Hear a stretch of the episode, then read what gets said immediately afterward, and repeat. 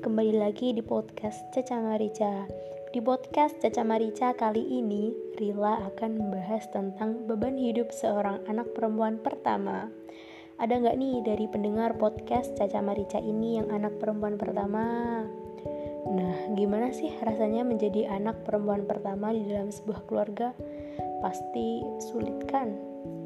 Setiap anak tentunya memiliki suka dan duka yang ia rasakan, terutama bagi anak perempuan pertama atau anak sulung itu sendiri. Seperti yang selama ini kita tahu, anak pertama dikenal sebagai anak yang paling disayang dan dimanja oleh orang tua. Tetapi faktanya, anak perempuan pertama memikul beban yang paling berat dalam keluarga anak perempuan pertama selalu dituntut untuk memegang tanggung jawab besar dan menjadi contoh untuk adik-adiknya. Tak jarang, anak perempuan pertama menggantikan peran orang tua ketika orang tua sedang tidak ada di rumah. Hal ini yang menjadikan anak perempuan pertama tidak boleh terlihat lemah. Ia harus selalu tegar dan mandiri. Bahkan, ada nih artikel yang Rila baca, menurut sebuah penelitian, anak perempuan pertama berpotensi lebih hebat daripada anak laki-laki pertama. Selain itu, masih banyak beban yang dirasakan oleh anak perempuan pertama.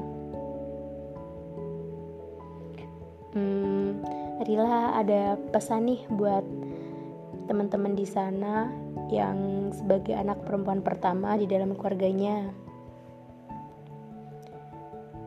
Aku tahu kamu tidak suka dituntut.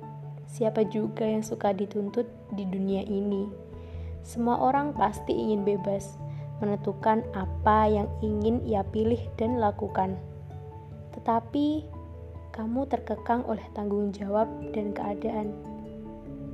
Aku hanya ingin bilang, untuk segala hal yang sudah kamu korbankan supaya bisa bertahan terserah apa pun kata orang, tetapi menurutku kamu luar biasa. Aku pun tahu hidupmu penuh dengan tanggung jawab. Aku tahu, bahkan di, istirahat, di istirahatmu, kamu masih memikirkan mereka. Mereka yang kamu sayang tentunya. Gak apa-apa, wajar saja. Seberarti itu mereka di dalam hidupmu. Aku yakin kebaikan hatimu akan mendekatkanmu kepada hal-hal yang baik lain. Aku pun yakin.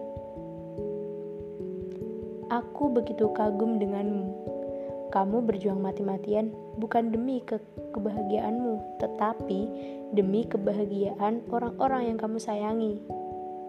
Karena bagimu, kebahagiaan dan baik-baik saja adalah mereka yang utama.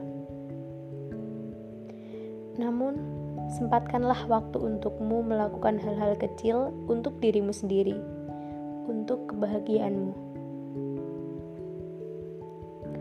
Wah, sepertinya udah lama nih Rila menemani hari-hari kalian. Terima kasih sudah mendekat, mendengarkan podcast dari Caca Marica oleh Rila.